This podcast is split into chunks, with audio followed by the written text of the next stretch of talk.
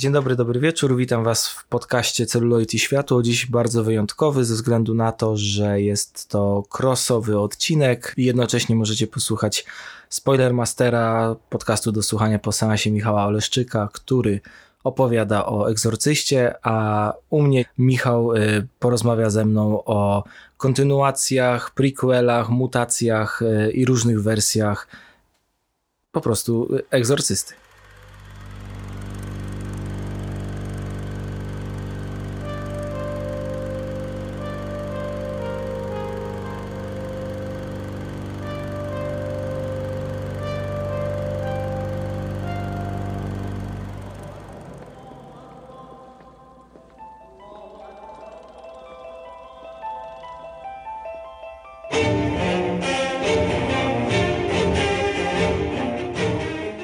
Ile razy widziałeś egzorcystę?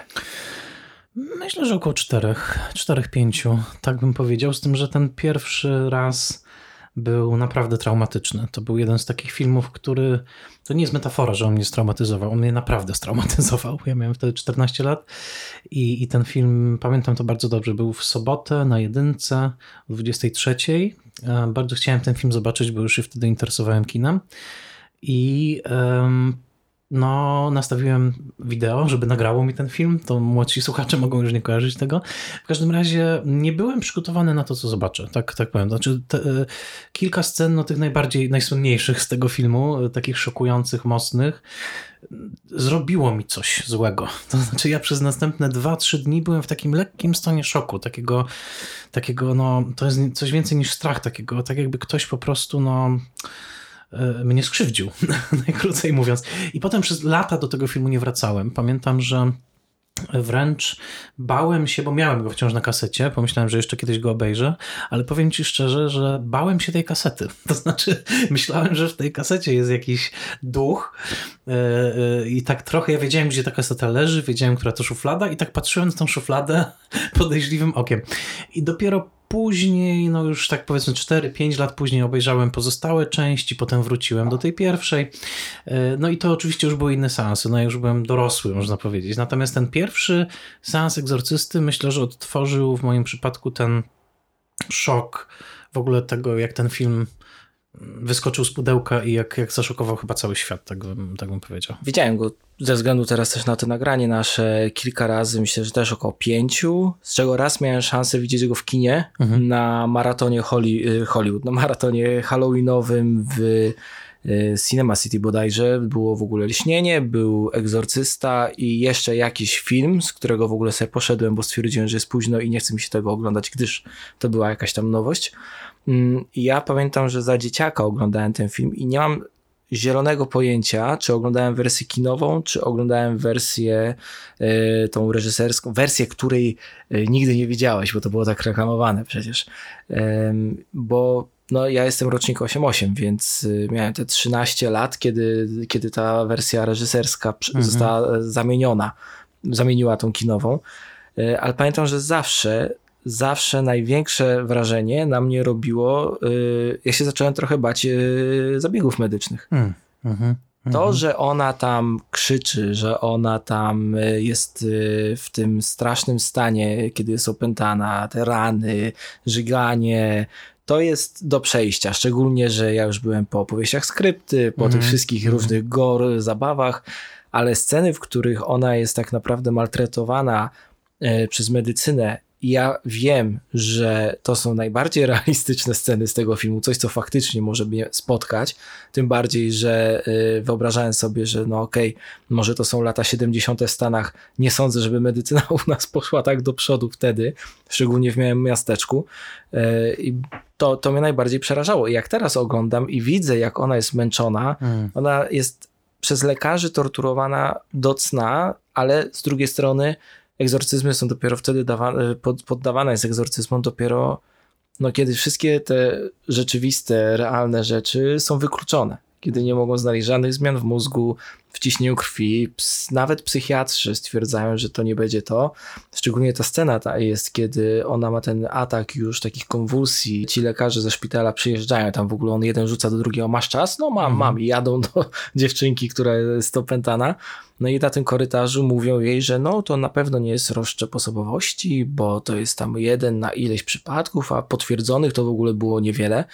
E, I dopiero wtedy w ogóle na tym zebraniu medycznym oni mówią, że no to teraz pani może się zajmie egzorcyzmami, mhm. bo no tak już nie sami, sami nie wiemy, nie, mamy, nie wiemy, co tak, mamy zrobić. Tak, tak, tak, I pamiętam, że jak teraz porównywałem te wersje, to e, w wersji reżyserskiej dobrą rzeczą trochę dla mnie jest to, że to pierwsze badania wchodzą wcześniej.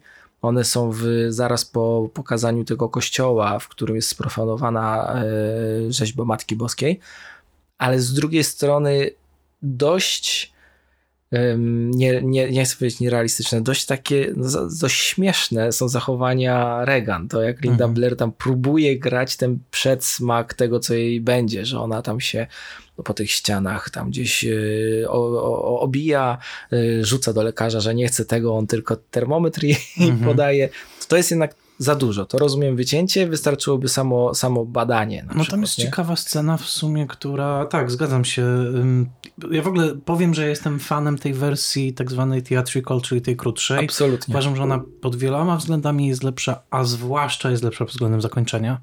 Zaraz do tego też pójdziemy, ale y, w szpitalu y, zgodzę się, że to nie są najlepsze sceny, te, które zostały przywrócone, powiedzmy tak, ale no jedna z nich jest trochę komediowa, ale też bardzo wzmacnia coś, co i tak już jest bardzo mocne w tym filmie, czyli wulgarny język, bo tam lekarz mówi e, do matki Regan o tej wiązance, którą tak, tak. puściła tak. właśnie Regan, prawda? I cytuję, no chyba w podcaście możemy, nie, nie, jesteśmy, e, motherfucking cunt, tak? Jak wypada to słowo. To, to, słowo, ja nie wiem, czy ono w ogóle, czy ono kiedykolwiek padło wcześniej z ekranu. Mhm. Trzeba by sprawdzić, czy w 73 już był film, który użyłby słowa na C. Więc, więc no, dodam też, egzorcysty też nie padło, bo ta wersja y, tak, wtedy nie tak. istniała. Ale jakby jest ten moment, że Fredkin to tak dosyć ciekawie wyreżyserował, że pierwszą reakcją Ellen Burstyn jest to, że ona się trochę z tego śmieje. Dla niej to jest tak szokujące przekleństwo zacytowane przez tego lekarza, że ona ma taki, taki taka zawstydzona jest. Zawstydzony i zaszokowany trochę właśnie taki śmiech. I, I tak, z tym, że y, w tej wersji no dla mnie najmniejszym problemem jest to, że on przywrócił te, te, tak, te tak, szpitalne tak. rzeczy. Oczywiście największym problemem jest zakończenie, ale to zaraz o tym też powiemy. No jeszcze są, mm, dla mnie jeszcze problemem jest y, to, że w wersji kinowej, jak przybywa Marin, w ogóle uwielbiam tą scenę, mhm. kiedy Marin staje w drzwiach i jest ten ryk tak. Cały dom tak. się trzęsie, Marin. I w książce to też jest świetnie opisane, że po prostu ten demon już wie, że on tam będzie, jak oni wchodzą, to nie ma co gadać. I y, ojciec Marin mówi, że nie ma o czym rozmawiać, że nie chce się niczym interesować, nic nie musi wiedzieć i działa. A nagle w wersji y, tej reżyserskiej no on dopytuje, a jak córka ma na imię? A to bardzo ładne imię. -hmm. Potem, kiedy oni są zmęczeni egzorcyzmami, uwielbiam to, że w tej wersji kinowej jest to, że oni wychodzą z tego pomieszczenia, siedzą na schodach zmęczeni, Meryn mówi przepraszam na chwilę, idzie wziąć tą nitroglicerynę -hmm. i wracają do działania. Tak. A nagle siedzą, jakaś pogawędka, a ten świat jest dobry, a ten świat jest zły, co jest w 100% y, Blatim Mhm. Przecież. No dla mnie takim w ogóle powrotem, no bo mm, widzisz, w ogóle dziękuję Ci za zaproszenie do odcinka. Rozmawiamy o wszystkich częściach. Ja po latach obejrzałem je na nowo. I no w zasadzie można powiedzieć, że ten cały cykl to jest jakby Father Marin story, tak? To znaczy to jest główna postać, to jednak jest Marin w pewnym sensie takim, że on tak, on tak jakby patronuje tej serii. No, tak? Tytuł jest egzorcysta, on jest tak, egzorcystą tak, jedynym. Ale powiem Ci, że z takich rzeczy, po, po, pierwsze uwielbiam to ujęcie, kiedy Marin rzeczywiście przyjeżdża do domu e, Regan. E, ono trafiło też na plakat, jest naprawdę super wystylizowanym ujęciem, takim e, z, no, z tym fantastycznym jakby efektem światłocienia i no, no jest ikoniczne w dobrym sensie. Ale... Mm, ja naprawdę zapomniałem, bo, bo to jest tak, że filmy nam się układają w głowie w, w, w zgodzie z jakąś taką swoją chronologią. I jak patrzyłem zawsze na Maxa von Sydowa w tym filmie, to wydawało mi się, że, no, że on tak już wtedy wyglądał, że to był Max von Sydow w roku 73. A tymczasem dopiero teraz doceniłem, jak oni go świetnie postarzyli do tej roli. Ja byłem zawsze był... pewien, że ja się zdziwiłem, tak. jak zobaczyłem w latach już tam swoich tak. do, dorosłych, że zaraz, Max von Sydow... On był młody. Naprawdę. On nie ma 150 tak. lat. Tak. I, on gra w grze o tron. E, dokładnie. Poza tym, jeżeli zerkniecie na przykład na filmy z Maxem von Sydowem z tego samego czasu, no nie wiem, na przykład e, e, Namiętność Bergmana, to jest mniej więcej ten sam czas, pa Passion of Anna, tak to jest na, no to po prostu on to był młody facet, tak? Oczywiście nie młody w sensie tam 20, ale no były między 40 i 50. On się bardzo długo dobrze trzymał. Tak, on się świetnie trzymał i po prostu to, co oni z nim zrobili tutaj pod względem make-upu jest równie yy, no, takie godne pochwały jak make-up Lindy Blair. To znaczy oni go rzeczywiście bardzo dobrze postarzyli do tego stopnia, że oni, i to jest ciekawe, że oni naprawdę przewidzieli to, jak będzie wyglądał stary Max von Sydow. Tak. Bo jak my na przykład, yy, on jest, on powiem tak, on w Egzorcyście gra na tym etapie, w, tym, w tej charakteryzacji, na którym będzie na wysokości Pellego zwycięzcy, tak 88, 89 rok, tak rzeczywiście będzie wyglądał Max von Sydow, ale y, mówię o tym po to, żeby docenić rzeczywiście świetną pracę charakteryzatorów w tym filmie, bo nie mamy tego wrażenia właśnie mm, sztucznego postarzenia i to jeszcze jak on gra na dodatek, tak. jak się porusza, to całe jego zmęczenie tą właściwie całym życiem walki z demonem. No to jest to, o czym Mark Kermode wspomina. Znakomita rola. To jest to, o czym Mark Kermode wspomina, że biorąc pod uwagę kolejne części i to, jak rzucano Merynem i jego spotkaniami z Pazuzu, że tutaj w tej Kenii tu się okazało, że jeszcze wcześniej, nie wiadomo czy w tej Holandii też to nie był Pazuzu, potem jeszcze to spotkanie. Y, Kermode kończy y, ten wywód zdaniem, że no nic dziwnego, że y, z, z, umarł z wycieńczenia mhm, tak, przez, to, tak, przez tak, te spotkania. Tak. No ale naprawdę wielki szacun też właśnie za to, jak nie tylko jak Maxim Sudow zagrał tutaj, ale rzeczywiście postarzono go w taki sposób wiarygodny, jak się okazało profetyczny. Absolutnie tak. Ale jednak ta końcówka, to mnie, to mnie zawsze teraz trochę mnie już mniej zadziwia ta różnica, kiedy znam książkę e, Blatiego, kiedy znam inne książki też e, Blatiego, mm, bo jednak tak, oryginalna końcówka, czyli ta wersja kinowa, no to wszyscy wyjeżdżają, ojciec Dyer daje łańcu dostaje łańcuszek od tak. Y, Chris McNeil, idzie, patrzy na schody, Chris McNeil Regan, odjeżdża. Regan całuje go w policzek. Tak, to jeszcze tak. chwilę wcześniej, tak. na widok koloratki, co jest podkreślone w książce jeszcze dodatkowo. Też, tak. tak. I odchodzi z tych schodów, jest depresyjne zakończenie, no, tak. jest smutek, no jednak Karas nie żyje. Ja się przyznam, wczoraj widząc kolejny raz śmierć Karasa i zaglądając do książki, przeżywam niesamowite niesamowicie smutne emocje. Mhm. Jestem na granicy płaczu, jakby zginął no, ktoś ważny dla mnie, bo jednak im jestem też starszy, tym bardziej rozumiem dramat Karasa i wyrzuty sumienia na mhm. przykład względem matki, mhm. bo tak. to jest jego największy dramat. Tak, tak? Czy tak, podjąłem tak. dobrą decyzję i jak ona się rzuciła na całe życie. No a w wersji y, tej, ta, tej reżyserskiej, gdzie Friedkin sam mówi, że zrobił to dla Blatiego, tą końcówkę i ją nakręcono i ona jest taka jak w książce, no to nie dość, że ojciec Dyer oddaje y, ten łańcuszek z świętym Józefem, Chris McNeil, oni odjeżdżają, zagląda na schody i natyka się na Kindermana, tak. z którym sobie gadają i umawiają się do kina. Okazuje się, że ten też już znał film robi się takie buddy movie i film się kończy.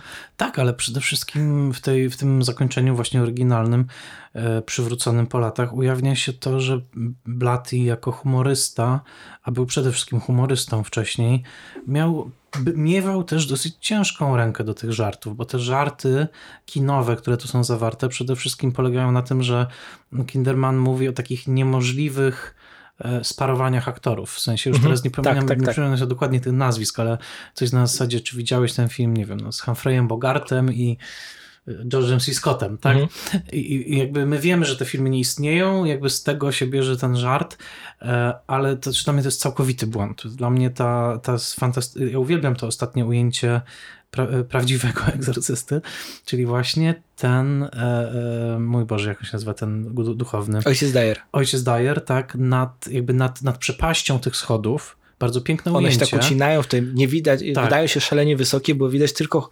dalej tak, widzimy dół miasto miasta. w tle, tak. widzimy jego nad tą przepaścią dosłownie i on odchodzi i przechodzimy do tego takiego uderzenia smyczków i William Fredkin, The Exorcist. Tak, a jeszcze e, przez chwilę brzmią Tubular Bells. Tak, Tubular tak, Bells. minimalnie, bardzo dziwnie i Allah e, Akbar wyśpiewywane. A, no widzisz. Wczoraj no to widzisz. usłyszałem, to mnie zaskoczyło, słuchałem w słuchawkach I usłyszałem, że tam jeszcze jest trzecia warstwa z tym y, jakimś muezinem, który w no tle widzisz, śpiewa, to, to, więc to, to, wszystko się skleja. Jest cudowne i, no. i po prostu to, to zakończenie jeszcze z tym takim kiczowatym po prostu... Mm, E, taką uniesieniem kamery e, na, na, jakimś dźwigu, że tak powiem, że ta kamera tak sobie odchodzi, prawda, tak jak oni odchodzą, mhm. widzimy tą latarnię uliczną, to, to zupełnie.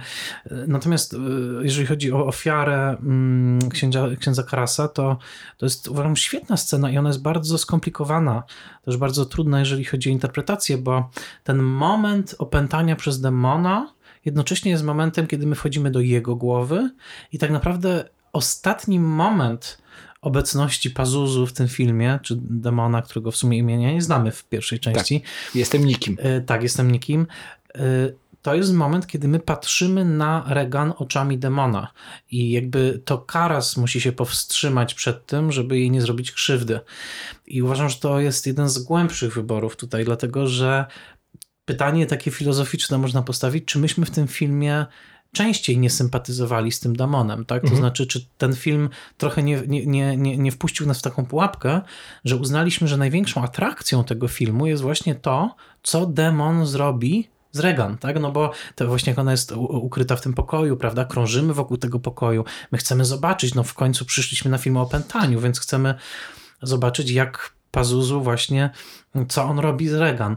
I tutaj ten moment, kiedy my faktycznie patrzymy na nią jego oczami, i to Karas musi się powstrzymać i musi wyskoczyć, to uważam, jest taki głęboki moment. To tego, jest w ogóle super moment, no. bo te oczy mu się na chwilę zapalają, tak. gasną i on w takim potężnym yy, krzyku, że nie, tak. w potężnych emocjach zaciskając pięści na sobie, tak.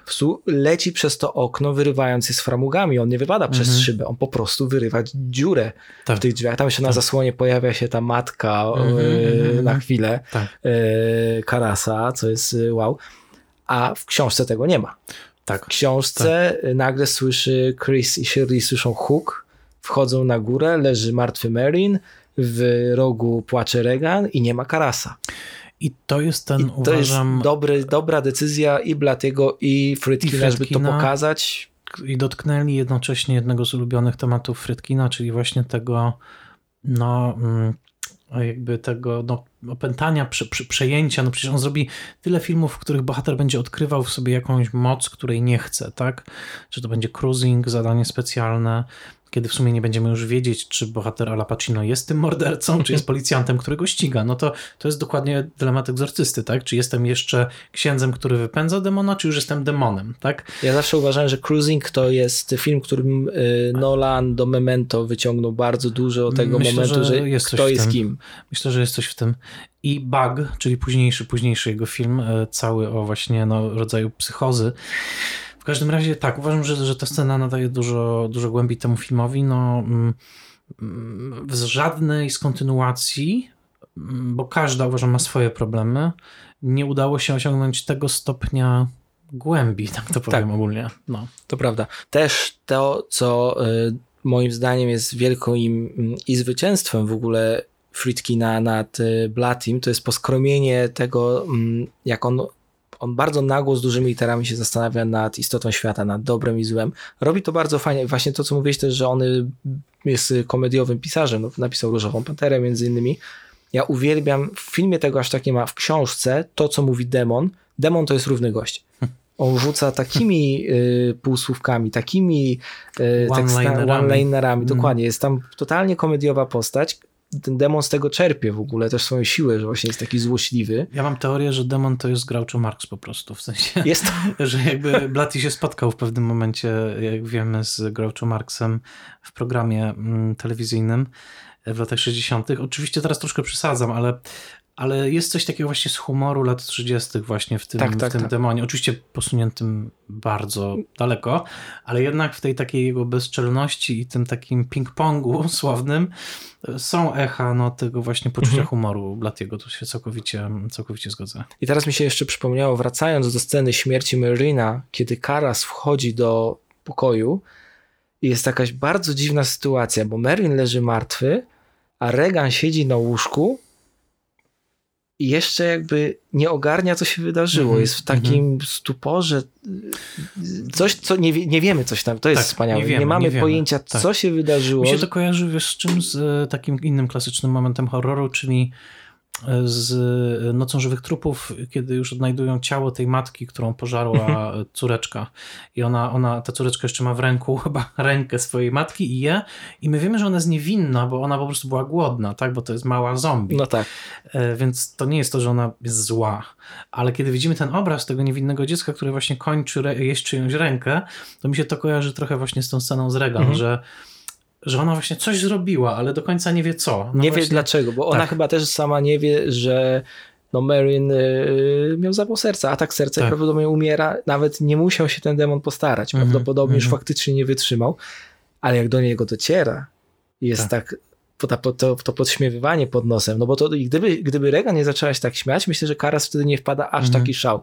Ale tak. to jest ten taki okropny chichot, tak. od którego Karas po prostu, on, on ją rzuca na ziemię i zaczyna ją y, no, bić pięściami. Tak. To nie jest tak, że tak, on tam tak. zaszarpie, tylko zaczyna ją Tutaj też to świetna robota charakteryzatorów, oczywiście też Lindy Blair, ale mm, nie znam się na tym, ale to jak oni subtelnie podmieniali jej i też oświetlali te szkła kontaktowe, że tak. te oczy rzeczywiście wyrażają różne rzeczy w różnych momentach. One nigdy nie są martwe. Nie o, tam zawsze coś przeziera za tych źrenic.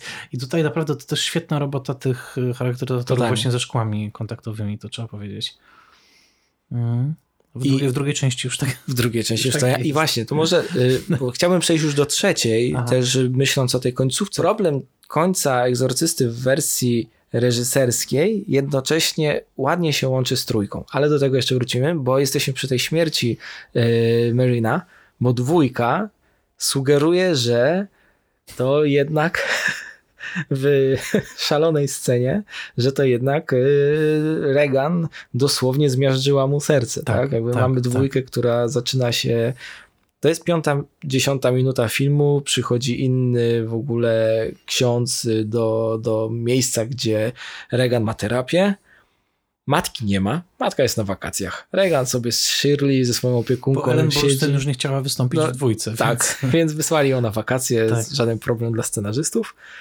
E, jest ta szokująco dziwna scena, gdzie oni siadają naprzeciwko dwóch lampek halogenowych i robią Kaszpirowskiego. Tak, czyli tak, jest tak. niby hipnoza. Miga lampka, miga lampka jedna nie na tak, głowie. I oni mają się nawzajem przeprowadzać przez ten świat, że wejść do głowy, żeby mhm. pokazać, co tam jest w podświadomości ukryte, bo Regan nie pamięta niczego z mhm. egzorcyzmów. Regan jest niczego tak. nieświadoma, to już jest powiedziane na końcu egzorcysty.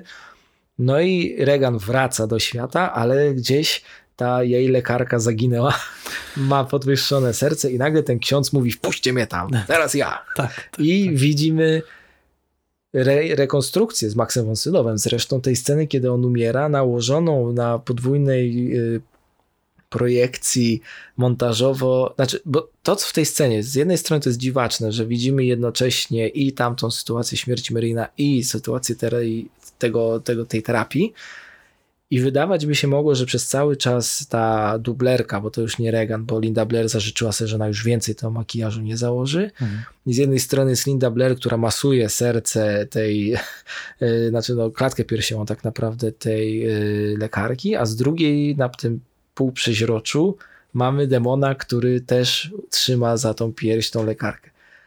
I nagle okazuje się, że one trzymają się we, dwoje, we dwie zadłonie, czyli że są na tym samym planie nakręcone, masują to serce, w tle w ogóle Meryn już umiera. Jest to tak dziwaczna scena mm. i wizualnie robi, technicznie robi na mnie ogromne wrażenie, bo nie wiem, która warstwa jest gdzie, kiedy i to jest wow.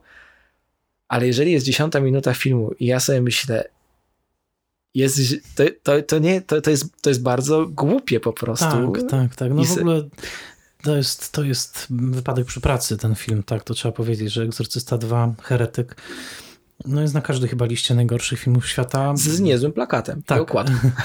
tak, ale z jednej strony aż trudno sobie wyobrazić, jaką szaloną dekadą musiały być lata 70., jeżeli tak prestiżowy reżyser, jakim był wtedy Burman po Deliverance chociażby, e, tak prestiżowy projekt, no bo jednak Egzorcysta był po tych 10 czy 11 nominacjach do Oscara, tak e, tak prestiżowa aktorka jak Louise Fletcher, która tutaj gra tą lekarkę, a właśnie grała dwa lata wcześniej, otrzymała Oscara za rolę lekarki w Locie nad Kukuczym Gniazdem. No, te nazwiska robią wrażenie, no plus Max von Sydow, Ennio Morricone.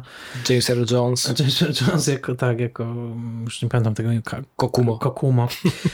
E, I coś poszło bardzo nie tak, przy czym Burman był niesamowicie odw- e, Ja po latach chyba bardziej doceniam jego odwagę, bo on rzeczywiście próbował cały czas nowych rzeczy, tak? I przez całe lata 70. Burman też co chwilę próbował jakichś szalonych projektów. Zardos oczywiście jest takim projektem, tak? Szalonym. Może wspomnijmy, co to jest Zardos. Zardos to jest Sean Connery w... Sean Connery w Dziwnych Majtkach. Dziwnych tak Majtkach. Pisał I z warkoczem. Dystopia Łysy i z ekologiczna, którą, co ciekawe, Burman zamierzył na poważnie. Znaczy on rzeczywiście chciał coś powiedzieć o ekologii. Tak jakby to nie było, że on się zgrywał. To nie był kamp, ale film się okazał kampem.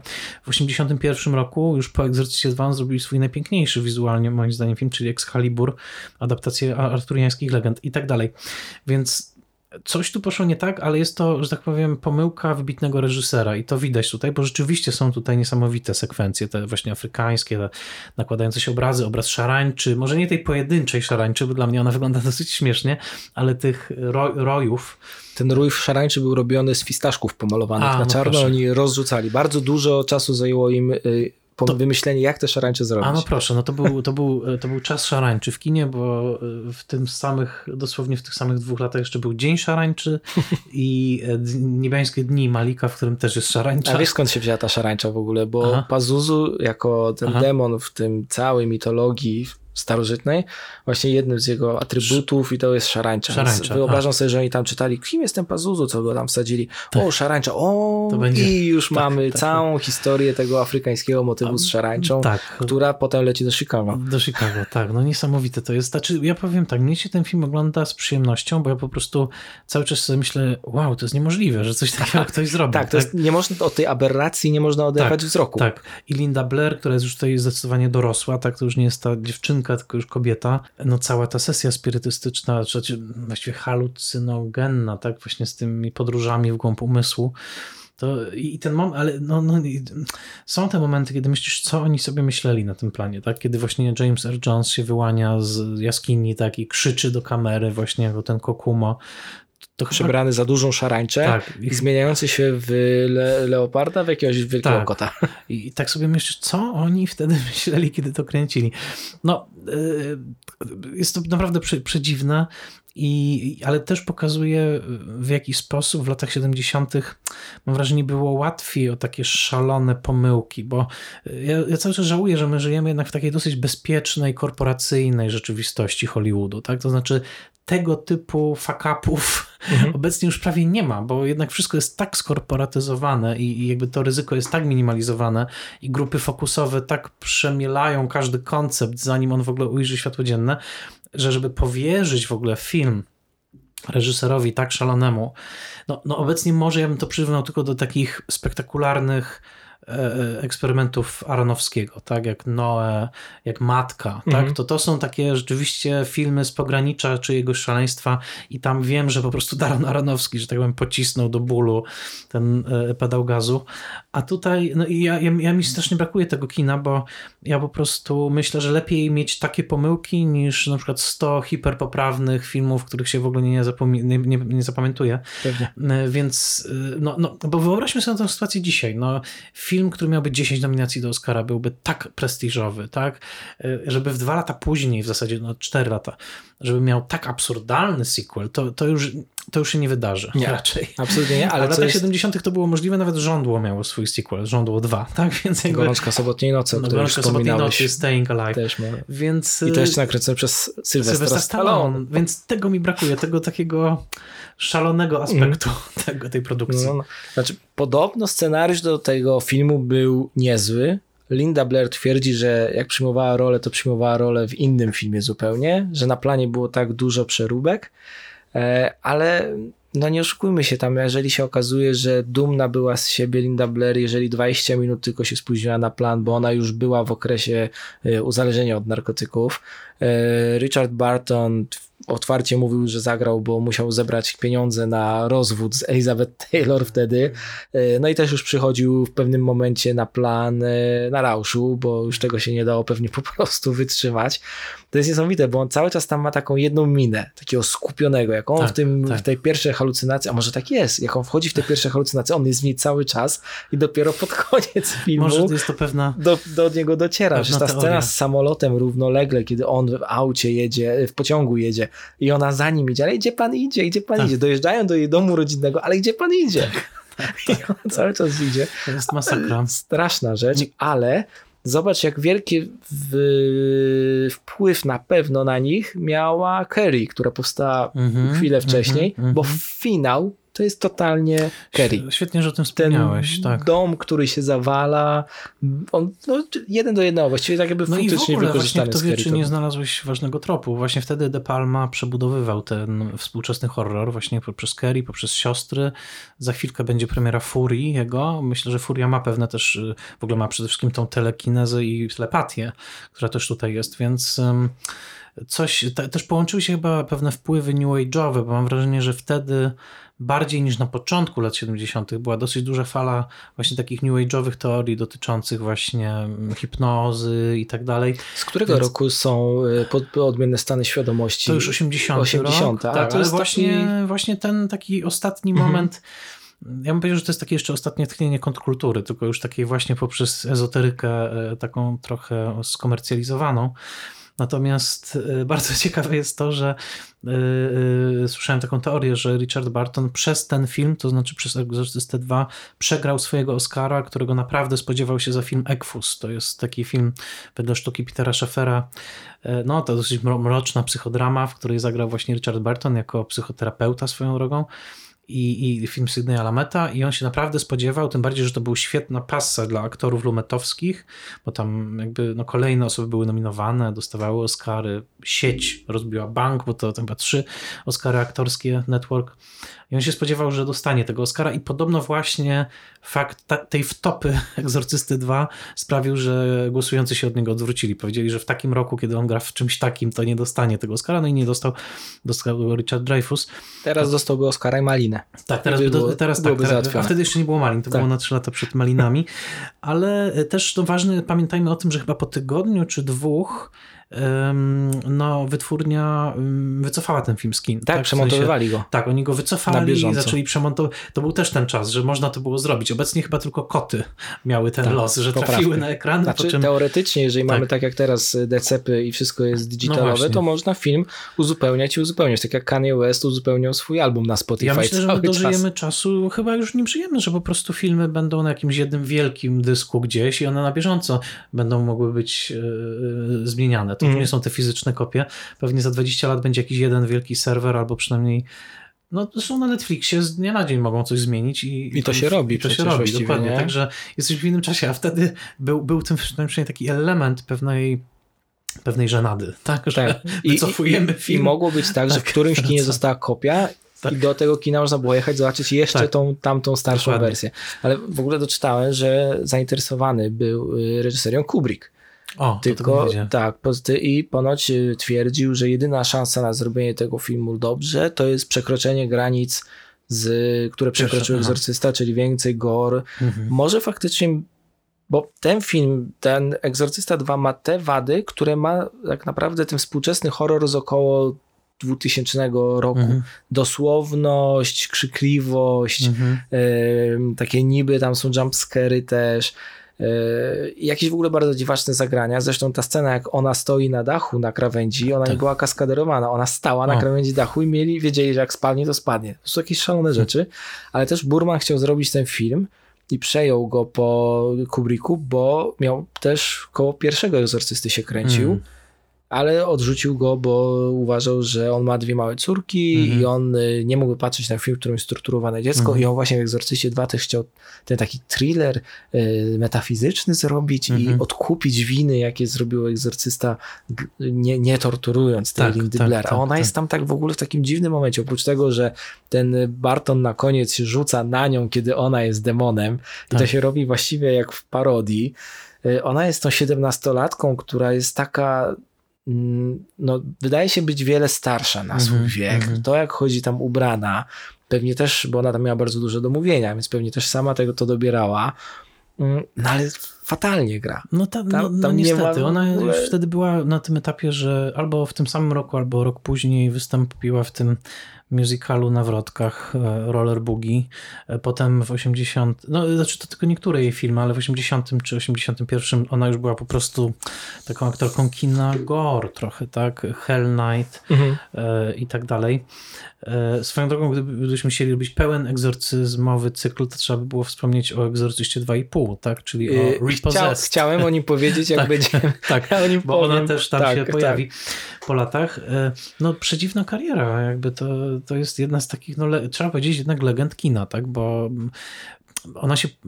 Egzorcysta w ogóle pierwszy to jest chyba najlepszy film eksploatacyjny, jaki kiedykolwiek zrobiono. Ja bym mhm. tak go nazwał, że on dla mnie on jednak przynależy do kina eksploitacji, ale do kina eksploitacji zrobionym na poziomie artystycznym po prostu najwyższym możliwym. Tak, jakby i nawet teraz, jak go oglądam, to sobie myślę, no tak, no przecież on jest dokładnie zrobiony tak, jak Exploitation mówi, tyle, że jest po prostu odpicowany, byśmy powiedzieli, no tak. tak. na każdym poziomie.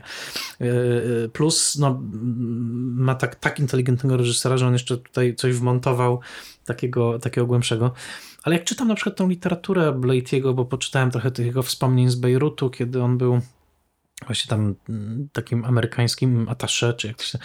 E, to, to nie jest bardzo dobra literatura, w sensie on był takim właśnie czy w pełnym tego znaczenia takim popularnym pisarzem, e, piszącym w pewnym charakterystycznym stylu, takim trochę nawiązującym do Chandlera, mam wrażenie chwilami, trochę nasyconym tymi dowcipami. On się nie potrafi powstrzymać od zrobienia dowcipu i to jest tak. też jego, jego wada, zwłaszcza w Egzorcyście 3, do którego zaraz przejdziemy, że niektóre mm -hmm. sceny są po prostu taką złą komedią, tak? Rozmowa o, filmie, kiedy rozmawiają a, o Karpiu w I wannie, Karpiu. tak, no po prostu to są takie bad jokes. Czuj, czujesz, czujesz? Trzy dni się nie kąpałem, na pewno to czujesz, stoisz blisko, ale z drugiej strony są fantastycznie zagrane. Tak, no, no tak, George C. Scott i tak ale, ale ten Blade, ten, znaczy ja myślę, że Blade miał duże szczęście, że trafił na Fredkina, który potrafił z nim powalczyć i, i, i jakby nie szedł we wszystkie jego sugestie, no bo czy ten film odniósłby aż taki sukces z tym pierwszym, z tym prawdziwym zakończeniem, tak? Znaczy w ogóle było mm. pierwszy scenariusz, gdzie Blatty napisał go y, mało trzymając się tej swojej książki i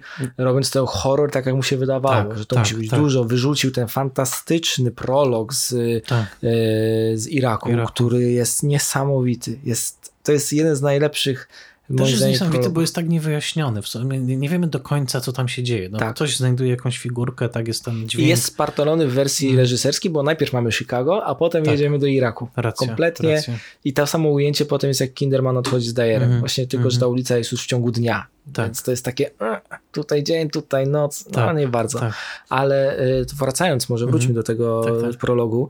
Y, on też jest trochę naśladowany w Egzorcyście 2, bo jak oni są w Afryce, tam też są takie ujęcia nawet z kowalami, którzy tam mm robią, to mm -hmm. takie, u, patrzcie, wiemy co, wiemy co robimy, e, ale to, to jak ten prolog się rozgrywa i jakie tam są takie drobne rzeczy, ten zatrzymujący się zegar, tak. ten e, ślepiec, ta, ta starucha, wdowa, tak, tak. Ona ponoć była cztery razy, były cztery duble, ona o. się zgodziła na przewiezienie, ale po każdym była coraz bardziej przerażona, bo nie spodziewała się, no jak to Fritkin, tak. po prostu wsadził babcię do wozu i jazda. Podobnie jak z mamą Karasa, która nie była aktorką tak. profesjonalną, tylko wyhaczył ją w jakiejś greckiej knajpie.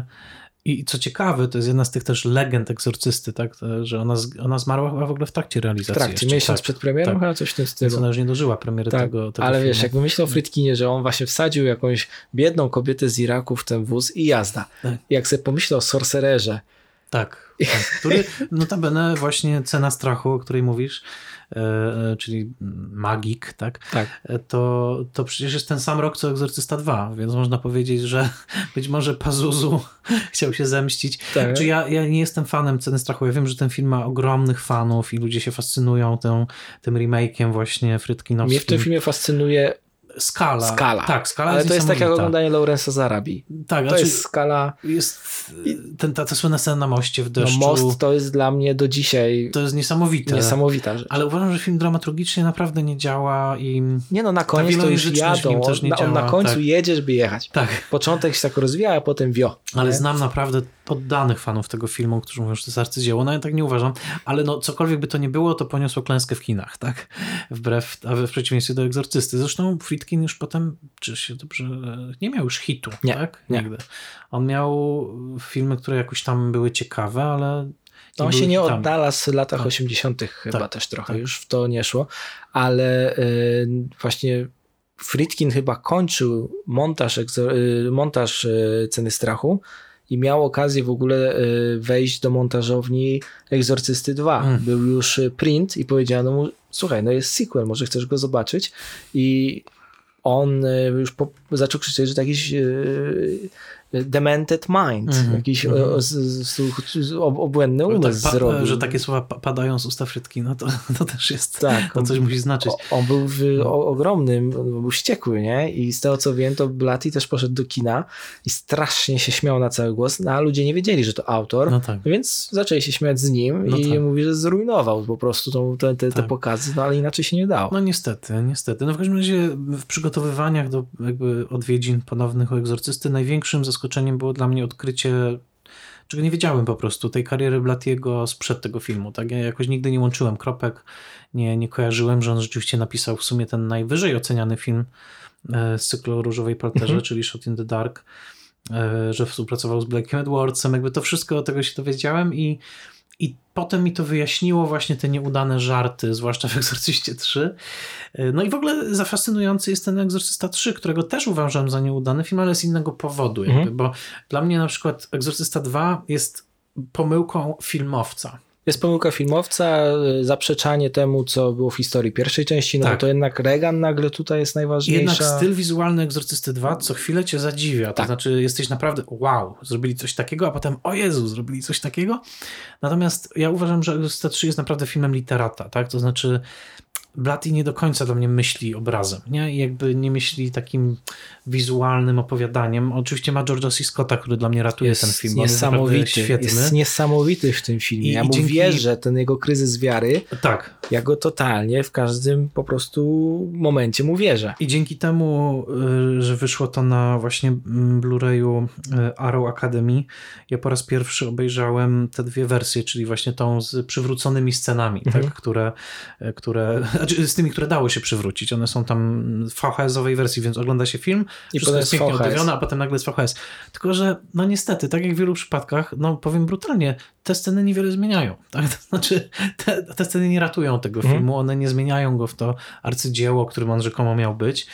One rozwijają pewne rzeczy i, i okej, okay ale Egzorcysta 3, pamiętam kiedy go oglądałem po raz pierwszy, to pierwsze 10 minut bardzo mnie zafascynowało, bo to jest, zauważ, że one są tak dosyć niekonwencjonalnie opowiadane, że w sumie na początku nie wiadomo do końca o czym ten film to jest. point of view. Tak, że właśnie w to point of view, tu ta scena tych łódek, tutaj ktoś się...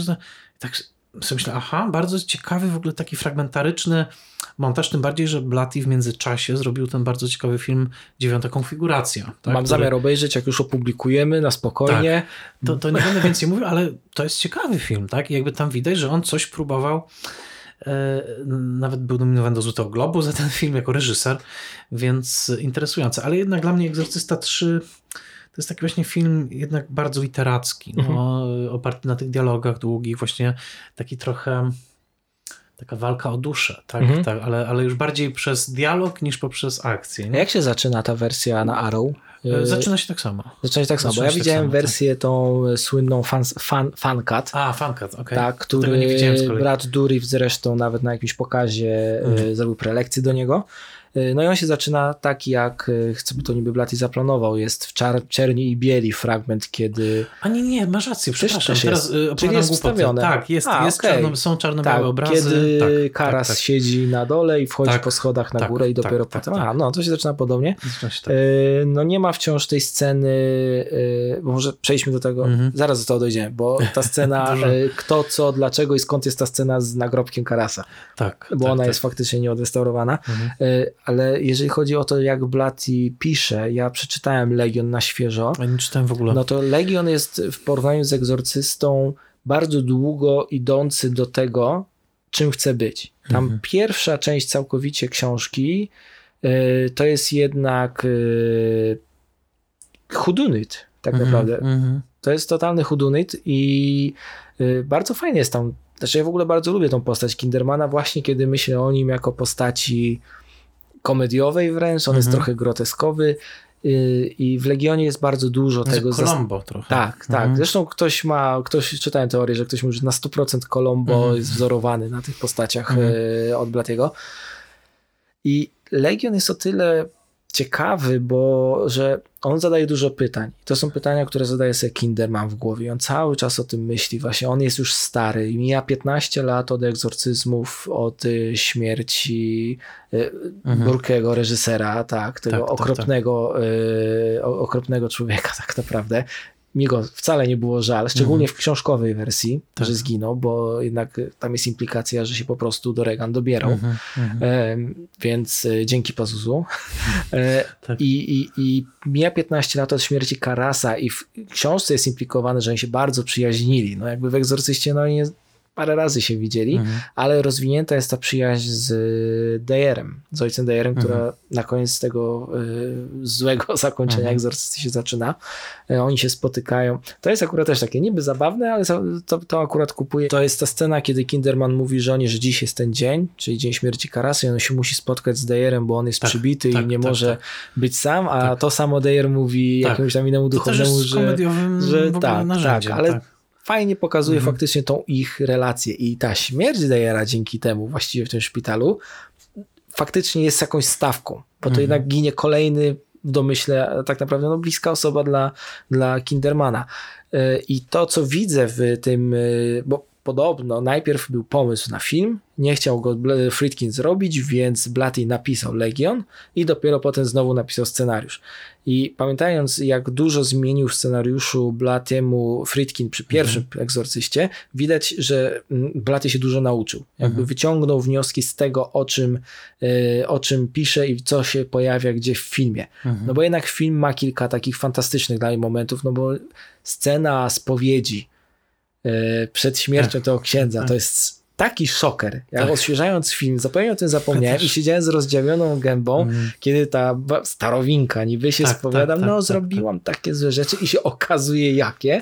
No i w tej wersji e, fankacie w ogóle jest wstawiony ten e, fotos z planu, kiedy ten ksiądz siedzi ze swoją głową na kolanach. Mm -hmm. Nie wiem, jak w wersji mm -hmm. Arrow. Nie, nie no to właśnie tego. tam wstawili ten fotos, on sobie jest, więc to nawet fajnie działa, ale faktycznie właśnie dobre jest, to lubię w Egzorcyście 3, że te ofiary nie są pokazane, mhm. tylko o nich mówią i myślimy, więc to działa tak, i na dlatego wyobraźnię. To jest w ogóle najdziwniejszy taki w sumie obrót tej całej serii, w tym sensie, że to się staje film detektywistyczny trochę, że to się tak. staje właśnie opowieść o detektywie. Dlatego nie chciał, żeby to się nazywało Egzorcysta 3, no tylko właśnie. Legion, no ale jednak w pierwszej wersji egzorcyzmów nawet nie ma. Tak, i, i, zupełnie jakby nie ma tutaj tych elementów, które były, przesądzały o tym, czym był egzorcysta w swoim pierwszym wcieleniu. Mm, gdzieś ten właśnie, to ciekawe, ten temat Holokaustu też oczywiście tutaj gdzieś się pojawia poprzez tą postać Kindermana. Oj, w e... książce Kinderman cały czas rzuca e, chyba jidysz jakimiś no trendami, tak. jest bardzo, bardzo dużo tego dorzuconego. On jest, taki, jest dużo tego żydowskiego humoru właśnie w postaci Kindermana, um, co też jest jakby, y, pamiętam, że Pauline Kael w swojej recenzji właśnie zwracała też na to uwagę, że, że jakby Blatty jest katolikiem, Friedkin jest Żydem, a zrobili film, który jakby ma wystraszyć wszystkie religie, tak? W sensie, ale mm, to jest o tyle interesujące, że ten wątek holokaustowy pojawia się przecież w pierwszym filmie, e, właśnie kiedy reżyser zarzuca jednemu z gości na przyjęciu, że jest nazistowską świnią. Gdzie w książce jest to pociągnięte bardzo, to, no bo no jednak Karl jest jakimś tam, I tak nie wiadomo, czy nie uciekł. No właśnie, nie, nie, wiadomo, czy, że tak powiem, nie robił strasznych rzeczy też, tak? W obozach na przykład. Oficjalnie Szwajcar. No właśnie. I, I pamiętajmy, że to był też ten czas, kiedy prawda, czytano cały czas jeszcze o tych po, po, polowaniach na nazistów, prawda, jakby oni wciąż byli, e, e, Maratończyk Johna Schlesingera i wiele innych filmów, więc to było bardzo wiarygodne, bo no, no Boże, jesteśmy tam te 30 lat po wojnie powiedzmy, tak, więc, czy nawet mniej. Um, i potem oczywiście to powraca już w ostatnim, jak do tej pory, pełnometrażowym filmie, tak? Czyli w, e, mój Boże, Egzostyście 4. Tak? Do, Dominion. Dominion, tak. Dominion the Beginning. Która właściwie się zaczyna w Holandii właśnie w trakcie Holokaustu mm. i mhm. tak sobie e, myślę, że to, że być może ten cały cykl jest po prostu też popkulturowym przepracowaniem Holokaustu. Wiem, że to jest strasznie naginana teza, ale myślę sobie, że jakby pamiętajmy, że mainstreamowa publiczność w tym czasie, amerykańska publiczność, była jednak nadal bardzo chroniona przed obrazami takich okropności. Jakby tak mi się wydaje, że, że ten film może, nie wiem, jakiś taki naddatek okropności, który w kulturze pływał po II wojnie światowej, że on go jakby w końcu wyrzucił, mm. tak, że to taka psychologiczna reakcja takiego wyplucia tego, co się, co, się, co się stało. No a dla mnie też, jak czytałem z kolei wspomnienia Blatiego, które on wydał po Egzorcyście, taką mini książeczkę o jego matce, teraz zapominam jak to się nazywało, on, on, on napisał książkę, taki list miłosny do swojej matki w zasadzie, gdzie on pisze, jak ona była wspaniała, ale też jak ją opisuje, to ją opisuje jako totalnie dominującą osobowość, taką, która w zasadzie wszystkich wokół dominowała. Ojciec, który odszedł w wieku 6 lat. Tam jest taka scena w tej książce naprawdę wstrząsająca i która też może pozwala lepiej zrozumieć ten motyw opuszczonego domu w egzorcyście, znaczy tego, że nie ma ojca, tak, jakby te, ten ojciec gdzieś tam jest, matka rozmawia przez telefon, tak, jest ta kłótnia, ale nie ma tego ojca. I jest scena w tych wspomnieniach Blatiego, że już parę lat po tym, jak ten ojciec odszedł, a on odszedł z dnia na dzień, dosłownie miał 6 lat Blati, nagle ten ojciec po prostu porzucił rodzinę. E, parę lat później on był ze swoją matką na mieście i pojawił się ten ojciec na ulicy, ona na niego spojrzała, on podszedł, spojrzał w oczy swojemu synowi, który już wtedy był trochę starszy, odwrócił się napięcie i odszedł. I pomyślałem sobie, że to musiała być też taka trauma, że ten ojciec jakby zbliżył znowu, ale poszedł sobie, że równie dobrze możemy czytać egzorcystę jako takie porachunki trochę na, tej po, na tym polu właśnie ojcowskim, mhm. że ten, ta matka właśnie Karasa, ta, która mu mówi why Dimi, why, why did you do z takim, me, tak? takim strasznym tonem, e, Ojca... która w śnie potem tak. zresztą wychodzi z piekła na chwilę i schodzi z powrotem, nie? tak, ojca metra. nie ma, ale ta... Jest kapitan Howdy. Tak, kapitan Howdy, prawda, który jest takim zastępczym ojcem, więc psychoanalityk myślę miałby wiele, wiele, wiele tutaj do, e, do, do roboty, nie? No w Legionie już Kinderman ewidentnie zastanawia się, dlaczego ten świat jest taki, a nie inny, że jest zły i tak dalej. I to jest też na bank odprysk właśnie tego Holokaustu, bo nawet ta teściowa wrzut, ma takie wrzutki właśnie tego żydowskiego humoru, że a, bo ci Żydzi to zawsze wszystko coś tam, mm. nie? Określając tam jakąś wycieczkę do, do jakiegoś miejsca.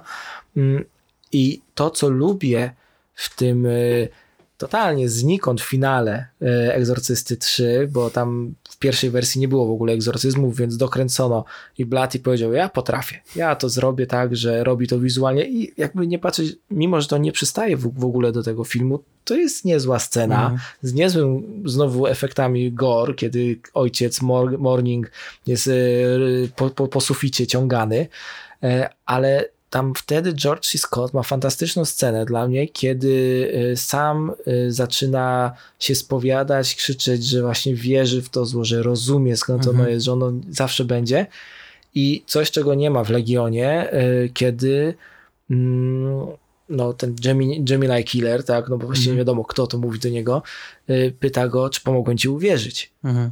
I to jest ten moment, kiedy też widzimy ten, no, że Bóg bez diabła nie istnieje, więc tak. diabeł potrzebuje Blatiego, Blatiego no, diabeł potrzebuje, żeby Kinderman wierzył, żeby wierzył w niego. To jest to, tak. co Chris McNeil na końcu mm, Egzorcysty też mówi ojcu Dejerowi, że nie wiem, czy wierzę dalej w Boga, ale już na pewno wierzę, że istnieje mhm. diabeł, bo nic innego nie mogło tej mojej córce tak. zrobić, co, tak. co zrobiło. I no, ten finał y, Egzorcysty 3 jest znikąd i ten ojciec Morgan, bo przecież w Legionie jest wersja taka, że przyjeżdża ta kobieta, która wcześniej chodzi po suficie hmm. i przyjeżdża do domu e, Kindermana, gdzie uważam, że Kinderman e, nie mając większego pomysłu albo chęci na pościg e, robi francuskiego łącznika, mm -hmm, kiedy oni tam jadą. To jest totalnie mm -hmm. francuski łącznik i dobrze. Tak. I, i w, w Legionie w tej pierwszej wersji ta pielęgniarka pada na plecy, kiedy jest powalona, kiedy próbuje odciąć głowę córce Kindermana i w Legionie ona pada, bo umiera ojciec tego Jemai Killera i on już nie ma po co właściwie być w tym opętaniu i tak dalej. Na wersji e, Egzorcysty, e, Egzorcysty 3 no jest powtórka z Egzorcysty. Jakby mm. ona krzyczy Morning, jak ten Merlin wtedy i tak. nagle w drzwiach staje ten ojciec tak. Morning, nie wiadomo skąd. E, no i próbuje dokonać tych egzorcyzmów. No i ja to bardzo lubię i też uważam, że to, że kazano zrobić dokrętki i zatrudniono Jasona Millera, mhm. że powtórzył tą część jako Karas. Ja tak. bardzo lubię ten przeskoki, no, bo Durif jest fantastyczny. Tak. Jest niesamowity, ale to, że jest raz jeden, raz drugi, tak. to bardzo, bardzo zyskuje moim zdaniem ten film. Tak, a w ogóle Jason Miller jest jedną naprawdę z ogromnych też sił pierwszej części, bo te jego smutne oczy po Wspaniałe. prostu widać cały ciężar jakichś strasznych cierpienia. Wolałbym zobaczyć go grającego Może... Rockiego niż Stallona. Tak. To jest totalnie gość, który... Zresztą Absolutnie. nawet Kiderman rzuca te żarty, że a, to nie pan, tak. pan innego tak. boksera. Dokładnie, słusznie, słusznie, ten sam czas. Nie, no naprawdę on e, też się w to nie zagłębiałem, ale on chyba w ogóle był też dramatopisarzem, tak? Tak, tam on dostał nagrodę Policera, Policera za dramat. Tak, więc, więc to, to jest też ciekawe. No... Mm, no, na, pewno, na pewno interesujące są te zmagania Blatiego różne, bo on też potem chyba pod koniec życia stał się bardzo konserwatywny. Wiem, że chyba wycofywał swoje fundusze, tak, które tam ułożył na uczelnię, nie wiem czy nie, właśnie nie na George University, bo oskarżał ich o propagowanie aborcji, jakby on powiedział, że nie może na to dawać pieniędzy jako katolik, z drugiej strony miał pięć żon chyba, więc jakaś taka, taka rzeczywiście no, dziwna droga, tak, właśnie te, jeszcze to, że pochodził w sumie z Libanu, no tak. więc takie bardzo, bardzo, bardzo kręte te te ścieżki.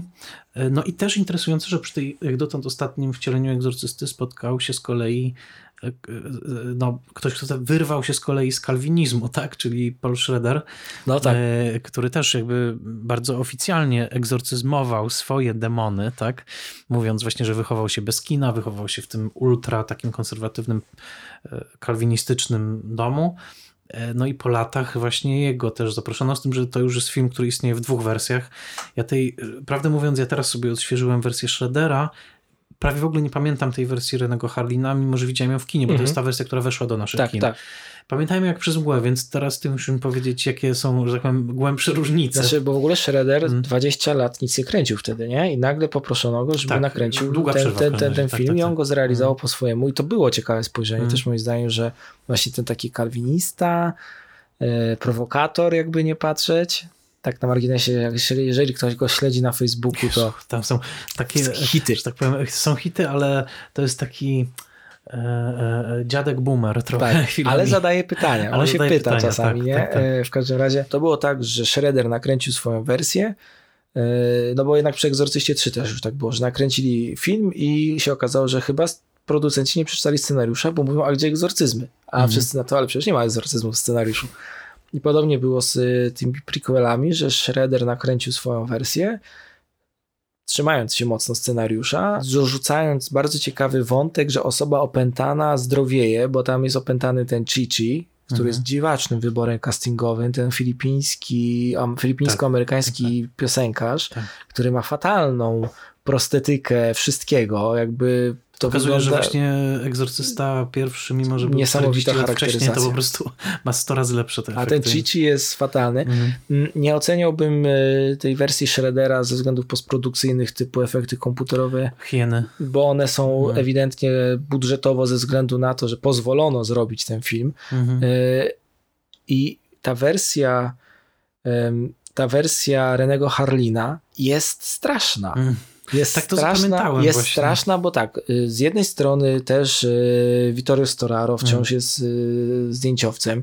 Zostali na tych samych setach w Cinesita w Rzymie, ale scenariusz potem jakiś tam inny producent sobie przepisał i dorzucił tak fatalne rzeczy, jakby ja, słucha, ja oglądałem w ogóle ten film z komentarzem też hmm. y, Harlina i on jest strasznie dumny, że tu hmm. chciałem pokazać zło wojny, kiedy tam się tłuką na końcu hmm. i że jest przemoc i że ktoś komuś obciął głowę, to trzeba pokazać. Mm, że i ten film się różni tym, że no są te dodatkowe sceny, są te same sety, jest wykorzystanych dużo materiałów, które Shredder nakręcił, znaczy dużo, no, około tam 10-15 minut bym powiedział, ale jest też Izabela Skorupko na końcu w makijażu amatora jakiegokolwiek. No, jest straszne. I o tyle ten film jest y, gorszy, nie, po prostu jest zły, że on bazuje na tym, że musi być no robi te wszystkie błędy tych y, horrorów z tamtych czasów też, bo to jednak hmm. jest ten 2000 rok, tak? 2004? Mhm, tak, mniej tak, więcej, tak. że wtedy było tak no, kiepsko mhm, mhm. e, i wszystko jest za bardzo. Harlin najzabawniejsze jest, kiedy mówi, o, to sceny świetnie nam się kręciło, bo to jest ważne i to są sceny z tego holenderskiego miasteczka, hmm. które są w pełni nakręcone tylko przez Shreddera A. i wykorzystane do montażu. A z drugiej strony Shredder w komentarzu na DVD y, też mówi, o, tu dałem tego motyla, Nie wiem, co to miało znaczyć. Chciałem coś, co będzie symboliczne, ale co to znaczy, to nie wiem. I, i ten film Harlina o tyle jest, y, no, ma tą końcówkę, gdzie jest już opętana Izabela Skorupko, która na krzyżu robi fiflaka jak na olimpiadzie. Ona tam się jakoś tam strasznie dziwnie obraca na nim. Y, jest wzięty ten, y, ten, ten zakładnik niby. Jest wielka wojna, bo film się zaczyna Harlina te lata temu. No i jest ten absolutnie kretyński pomysł, który ewidentnie jest wzięty z Legionu, książki Blatego, bo y, dlaczego to miejsce, gdzie to się dzieje jest takie złe? Bo to jest miejsce, w które spadł Lucyfer, kiedy y, został strącony z niebios. A w Legionie, y, na końcu Legionu, bo oczywiście Legion kończy się jako egzorcysta, czyli Kinderman ze swoim kumplem idą i rozmawiają. W Legionie Kinderman mówi, że on wierzy, że wielki wybuch, Big Bang, to jest moment upadku Lucyfera. Mhm. I że wtedy zaczął się świat i że to, co się dzieje, to jest wciąż składanie tego zła z dobrem. Mhm. Co jest całkiem ładną myślą. No a w tym e, Exorcist The Beginning, no to jest po prostu tu spadł Lucyfer, dlatego tu się dzieją złe rzeczy, rodzą się dzieci, yy, które są e, zgniłe, co jest też w wersji Schradera, yy, rodzą, są jakieś straszne, straszne sytuacje. Na przykład u Schradera jest ta scena, kiedy samobójstwo popełnia ten żołnierz, który wcześniej zastrzelił y, tą, tą, tą kobietę Afrykankę, no to u Renego Harlina to jest tak, że on nadal, bo tam było powiedziane, że on kolekcjonuje motyle, to u Harlina on siedzi w pokoju i są te motyle na ścianach i one wszystkie ożywają i on wtedy nie można to patrzeć i strzela sobie w łeb. Nie ma wyrzutu sumienia, tylko wystraszył się motyla. przypominasz mi trochę ten, ten film sprzed lat. Pamiętam, że teraz dopiero jak o tym myślę, to sobie myślę, co się wydarzyło jakby pomiędzy, nawet pomiędzy pierwszym egzorcystą, a nawet już trzecim. Myślę, że nie dość, że cały świat się zmienił, to, to kino się bardzo zmieniło, bo jednak ten egzorcysta pierwszy jest sprzed kina nowej przygody, tak? A potem jest cała lata, tak. E, dekada lat 80. Są wszystkie te też okropieństwa, tak? takie maka makabryczne rzeczy typu e, e, chociażby Indiana Jones i mm, Świątynia Zagłady, wyrywania serca, tak? jakby te wszystkie e, efekty specjalne. Przecież jak spojrzymy na efekty specjalne w mm, Poszukiwaczach Zginionej Arki na końcu, prawda? jak, się to, jak topnieje twarz nazisty, tak? jak, jak spojrzymy na Gunis na przykład, który też przekraczało różne granice, Gremliny, hello, tak? Mm. Gremliny też są trochę filmem o opętaniu, tak? o opętaniu miasteczka przez takie właśnie stwory. I, i tylko, że w latach 80. już właśnie Spielberg, Joe Dante, paru innych, De Palma też, bo przecież scena e, w Człowieku z blizną tego masakry piłą mechaniczną dosłownie, e, jakby wydarzyło się całe to kino, które odebrało właśnie tym różnym okropieństwom, ogólnie tak to nazywam, jednak pewne ostrze, tak? W 73 roku to było ostrze, które no jak Buñuela wchodziło prosto w oko i po prostu całkowicie szokowało. Ja, ja widziałem film, e, film, e, reportaż, e, z, który jakiś newsowiec nakręcił. Jest kiedy, na tak, YouTubie Jest nawet, na YouTube, tak, że ludzie wychodzą, wychodzą i mówią, co ich przeraziło. Że co ich, tak. I że nie mogą oddychać, tak. że mnie telepało, że teraz się trzęsę. Tak. Bo to był dla nich szok chyba ze względu na właśnie realizm tego. Bo tak. kino nowej przygody, lata 80. to wszystko już jest tą tak, no to, trochę to szczęki, szczęki przedstawiają już trochę tę zwrotnicę, że nadal jest strasznie, ale już też jest trochę śmiesznie. Mhm. Jest taki przyjemny dreszczyk. A potem lata 80. to już jest za beztrzymanki. E, e, no, że nie wspomnę o martwym złu, tak? W sensie, no tak. które też już robi totalną e, cyrk po prostu z tego, z tych motywów. Więc tak sobie myślę, że powrót do egzorcysty, jakby w ogóle wymyślić nową formułę na egzorcystę jest niesłychanie trudno i no taki Shredder jednak, e, tak teraz bardziej myślę o tej jego wersji, bo po prostu mam ją świeżo przed oczami, że to jest niesłychanie konwencjonalny film on też, on też jakby przypomina troszeczkę, że Egzorcysta właśnie gdzieś pod spodem jest tym filmem klasy B, tak? To znaczy i, i ta książka jest trochę książką klasy B. Jest to po prostu książka, która miała bardzo ludzi przestraszyć i to przypomina takie po prostu no, opowieści o duchach, tak? Mhm. I jakieś takie groszowe mm, magazyny, Pulp Fiction. Pulp Fiction w sensie tym źródłowym, tak? To jest taka groszowa fikcja, która chwytasz, czytasz i masz po prostu nie odłożyć do, do rana. I, i, I myślę sobie, że to najbardziej wychodzi w wersji Shreddera właśnie, że to, to nie jest szlachetny film, tak? To jest taki bardzo konwencjonalnie zrobiony, no jak ci Afrykanie są pokazani, tak? Po prostu przychodzą... A to są jeszcze mieszkańcy y, okolic Rzymu, zatrudnieni no, z castingu. I, i, to, I to widać, znaczy ja nie jestem znawcą afrykańskiej kultury, ale po prostu jak się pojawiają z tymi dzidami, wymachują i, i tym takim filmowym, że tak powiem, zwyczajem jeszcze z czasów takich dosyć postkolonialnych, tak? Tam wykrzykują różne rzeczy, rzeczy tak dokładnie to robią, żebyśmy wiedzieli w każdym momencie, co że mówią. To jest środek Afryki. Tak, dokładnie. To sobie myślę, kurczę, no ten Shredder, który przypomnijmy, w 82 roku zrobił remake Ludzi Kotów, tak? Czyli takiego klasycznego właśnie horroru z lat 40. Ja myślę, że to w jego krwiobiegu zawsze krążyło. Właśnie ten taki trochę film klasy B amerykański. E, natomiast to, co ja sobie przypominam sprzed lat, w sensie wtedy, kiedy ten film wchodził, że było wtedy takie króciutkie zainteresowanie na nowo właśnie tą demonologią, jakby tym, tym, tym właśnie kinem satanicznym, jak to się mówiło. E, Peter Hyams nakręcił ten film i stanie się koniec z Arnoldem Schwarzeneggerem, tak? tak? The End of Time. Czy I on się kończy, także ten... I tam było tam, ostro. Tam szatan wychodzi tak. prosto w kościele z, Adwokat z podłogi. Diabła, prawda? Dziewiąte wrota. Dziewiąte wrota, hello oczywiście, tak? E, tutaj Polański jest gdzieś takim śmiejącym się, mam wrażenie, w oddali e, reżyserem, który tę samą tematykę podejmował przez całą swoją twórczość, tak. tylko robił to totalnie po swojemu. Dziecko Rosemary i tak dalej. Więc, e, więc tak, no taka jest moja refleksja właśnie o tym filmie Schroedera, że, że tak sobie teraz na niego patrzę, ile to już po 20 latach prawie, tak, że, czy po 15, że, że to jest taki raczej konwencjonalny film. Znaczy on zrobił najbardziej film, normalny tak, film. Tak, o, tak, taki... tak. On zrobił film, który dostał scenariusz. On w komentarzu mówi, no nie wiedziałem jak zrobić tą scenę, to hmm. stwierdziliśmy, a zróbmy to jednym ujęciem. Hmm. On robił swoją robotę i zrobił to rzemieślniczo, jakby nie patrzeć po, porządnie. Tak. Nie przesadził, bo akurat właśnie oprócz tego okropnego y, charakteryzacji tego, czyli tam nie ma takiego cringe'u. Mhm. Nie ma takich scen y, aż tak cringe'owych, tak, a tak, tak. u Harlina one są i mhm. I tam już są oczywiście, że tam jest scena też, że ksiądz sobie stoi, modli się, odwraca się, a tu nagle krzyż, przy którym się modlił, jest odwrócony. Sam się obrócił. I też y, dumny z siebie był Harlin, że wstawili te twarze Pazuzu jak w oryginale w kilku mm. miejscach. One tam błyskają, że to jest wow co nie wspomnieliśmy przy reżyserii, przy wersji reżyserskiej kinowej, że potem Friedkin naćkał tym Pazuzu wszędzie, gdzie się tylko tak, dało, tak, że to tak. będzie u takie straszne. No, Pazuzu to jest najsłynniejsza tak zwana drinking game horroru, tak? W sensie napij się w trakcie Egzorcysty 2, ilekroć słyszysz słowo Pazuzu, będziesz pijany pod koniec seansu. O i to jeden moment jest, że trzeba strzelać za jednym, tak, wszyscy tak, krzyczą tak. Pazuzu, Pazuzu. Pazuzu, Pazuzu. A to też strasznie ci Afrykanie tam są pokazani, bo oni mówią tylko Pazuzu, Pazuzu, tak. Pazuzu. I, i zaprowadzają doprowadzają go do prostytutki. Tak, tak, tak, masakra, masakra.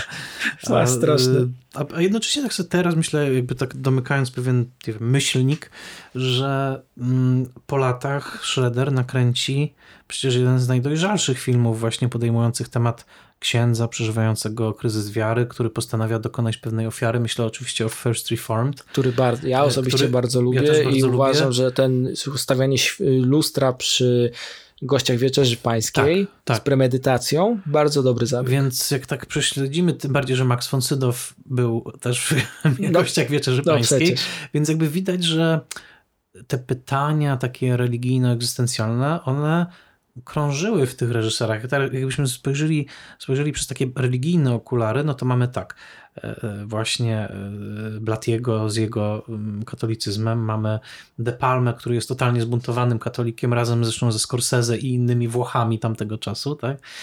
Mamy właśnie mm, Bergmana, który wygłasza te protestanckie pytania jako syn pastora, tak? Scorsese, który miał być księdzem e, i po latach, i, i, i, oczywiście Schroeder, który jest po prostu z totalnie ultra religijnego backgroundu i po latach, po latach kręci też film właśnie o tym wątpiącym pastorze inspirowany Bergmanem.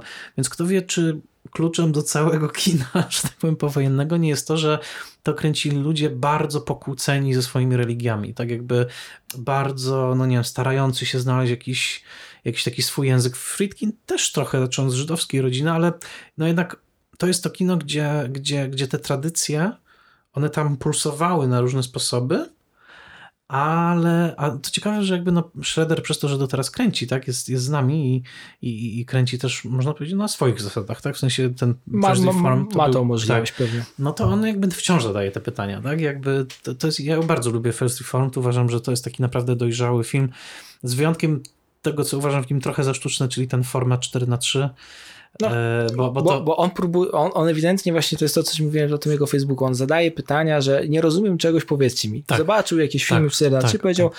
ta Ida dostała Oscara za 4 na 3 tak. Też tak zrobię, ale na przykład kolorystyka tam w tym filmie jest tak. niesamowita. No. Świetne, zresztą świetne role. Czy tam jest Amanda Seyfried też chyba? tak, ta... Amanda Seyfried tak. gra gosposię, której yy, on nie kocha, bo to jest tak, powtórzenie tego motywu z Maxa von Sydowa. Tak, nie? więc to jest naprawdę... No i Ethan Hawke Och, tak, świetna, świetna przejęty tą zmianą klimatu, tak. tak strasznie No i w ogóle jaki aktualny temat też właśnie ta zmiana klimatu, prawda?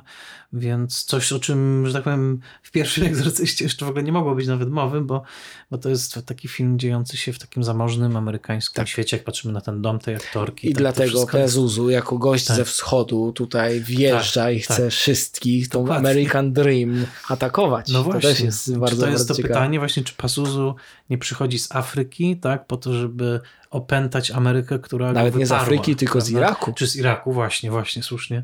Więc to jest...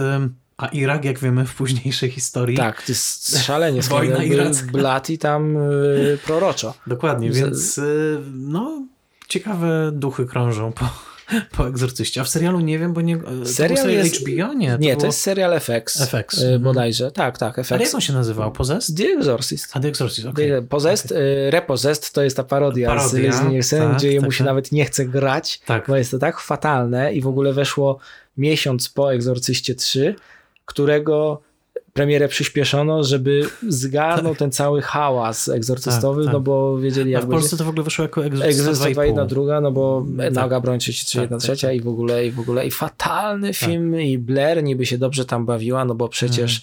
mogła y, odtraumatyzować swoją rolę, ale to jest mm. tam nawet Nilsenowi się nie chce grać, który no jest, jest samograje. Nie, to taki najgorszy moment tych parodii. Tak, super, super, tak, to jest tak, tak super zły moment. Dracula, to naprawdę. O, ja bardzo tego Drakulę lubię, chociaż boję się go obejrzeć znowu, jako dzieciaka mnie bardzo bawi. To, to jakiś ciekawy podcast właśnie, żeby obejrzeć ponownie te e, parodie Wampiry, wampiry bez zębów. Wampiry bez zębów, tak, dokładnie. Ma momenty, no, pamię pamiętam, że było kilka rzeczy, chociaż z drugiej strony no, to jest jednak cringe'owe, jak wjeżdżają te duchy i on mówi przestańcie i one zaczynają iść normalnie, bo one tak, tam tak, się tak, nosiły. Tak, tak, tak, e, a serial jest, się nazywa The Exorcist i on e, no ja będę spoilował, no bo hmm, jesteśmy no, przy spoilerach i no ten, rozmawiasz. Ten, ten serial jest o tyle super dla mnie, że w bardzo inteligentny sposób obchodzi się z materiałem źródłowym. Y, jest, dzieje się współcześnie i na początku myślałem, że okej, okay, to będzie współczesna wersja, bo jest rodzinka, jest dziewczyna, która jest nawiedzona, y, opętana i się zaczyna dziać. Y, no i są oczywiście, wszystko jest bardzo już w tym taki modern stronę, czyli że jak hmm. już jest jakieś opętanie, no to ryki, krzyki, krew. Y, jest jeden młody ksiądz, który zaczyna, właściwie też ma swoje tam demony, oczywiście. I tak, właśnie pierwsza rzecz, księża mają ogromne poczucie winy, bo jeden, jak się okazuje, w drugim sezonie dopiero jest homoseksualistą, hmm. a sam w wieku 12 lat już brał udział w egzorcyzmach hmm. i y, widział Boga. On jest takim hmm. bardzo szanowanym gościem w tym całej społeczności egzorcystów, powiedzmy, bo on był, jest jednym z niewielu, mhm. którzy coś doświadczyli, a wbrew tej religii katolickiej Watykanu no jest homoseksualistą i się z mhm. tym zmaga, a, a ten drugi ksiądz po prostu zakochuje się w kobiecie i to jest mhm. jego dramat też między mhm. innymi. No i jest sobie ta rodzinka, gra Gina Davis. Całkowicie mi to minęło. No, no prostu, bo to gdzieś tam sobie tak. przeszło, po dwóch sezonach skończono, a naprawdę dru drugi sezon w ogóle jest super. Pierwszy jest ok, bo jest ta Gina Davis, ta córka jest opętana i ona jakoś tak mało jest zdziwiona tym. Mhm. że o ta córka jest opętana, ten ksiądz przychodzi, ona mówi co robić. Pierwszy film. Lepiej. No. Nagle w piątym odcinku, w połowie sezonu y, jest scena, gdzie ona idzie do księdza, bo wcześniej w ogóle ta opętana córka coś mówi na ucho ojcu swojemu. Mhm. Ten ojciec jest taki, musisz to powiedzieć. I jest równoległy montaż, gdzie siedzi Gina Davis, ona ma na imię Angela, i temu księdzu się spowiada, że mam taką tajemnicę, że i równolegle są ujęcia, że podjeżdża samochód i wysiada z niego postać w kapeluszu, takim jak Merin. A. I myślę sobie, ale jazda, będzie Merin. I jest ten montaż równoległy i nagle ta Angela, ta Gina Davis mówi, I'm Regan McNeil. A... I jest cięcie i w tym kapeluszu wchodzi Chris McNeil. Chris McNeil. I ona przyjeżdża okay. i się okazuje, że tak naprawdę to jest Regan i ona zaczyna, ona wszystko pamięta, była wyeksploatowana przez matkę. Chris napisała książkę, ciągnęła ją po talk show jako ta aktorka i, i no, zaczyna się niezła chryja. To jest, muszę to obejrzeć, natomiast y, dla mnie też to, co jest interesujące w tej pierwszej części, jeden z najgorszych właśnie, teraz już nie pamiętam, czy to było w książce, chyba tak, że kiedy y, nasz Kinderman chce wziąć e, autograf Chris McNeil, to mówi, że była cudowna w filmie Angel. Angel. To jest po prostu taki suchar, o, okej, okay, to ona była w filmie Angel, a jej córka jest opętana przez The Devil. No, to jest jeden z takich, w ogóle ten cały żart, że o, żartowałem, to jest autograf dla mnie, to w tym momencie dla mnie się włącza właśnie ten zły blat. Coś ten, nie tak, nie? Tak, no i właśnie serial świetnie gra, no. wyciąga takie rzeczy i z serialu, i z książek, no i oczywiście potem jest tam wielka, wielki pościg za tą opętaną córką, tam są trupy, no dużo trupów, yy, i jest opętanie i wiesz, jak serial ma 10 odcinków i w ósmym niby się kończy sezon, masz poczucie, że już jest po wszystkim, to wiesz, że będzie duże boom. No i właśnie jest egzorcyzmowana ta córka i wszyscy, okej, okay, już po wszystkim, gdzie się podział Pazuzu? A wtedy Regan McNeil robi takie, no nie wiem. I okazuje się, że on wszedł w nią z powrotem. Okay, okay. To już jest takie, wiesz, przerzucanie się Pazuzu. Już nie? się po robi prostu... śmiesznie. Już tam właśnie tak, robią sobie tak, z tego tak. trochę jaja. Chris ginie. Hmm. Bo ona ją zrzuca ze schodów. Nie wiadomo, czy to Pazuzu ją zabija, czy Regan za mhm. karę. To jest też bardzo fajnie rozegrane. Tak, tak, tak. Oczywiście jest watykański y, spisek, bo y, są watykaniści, tam księża i tak dalej, którzy chcą, którzy przyjmują demony, chcą, żeby wrócił jakiś tam mhm. master, bo jednak wciąż jest nawiązanie do tego, że master to jest to, co w tak, Legionie tak, jest, tak, że to master kazał zrobić i y, ci wszyscy księża chcą zabić papieża. Tam się A. dużo dzieje. Jest scena z tego spisku i wchodzi nagle właśnie Regan McNeil i oni patrzą, a ty kto tu jest? Co ty tu robisz? Mhm. I nagle ten ksiądz, Pazuzu? Myśleliśmy, że cię straciliśmy, że Merin cię załatwił. o Boże. Jest, ale ewidentnie widać, że ci z tym serialu wiedzą, o co im chodzi, no tak, że no tak. bawią tak. się z tym. I w drugim sezonie już zupełnie inna historia, jest, jest jakaś rodzinka na wyspie, jest horror i tak dalej.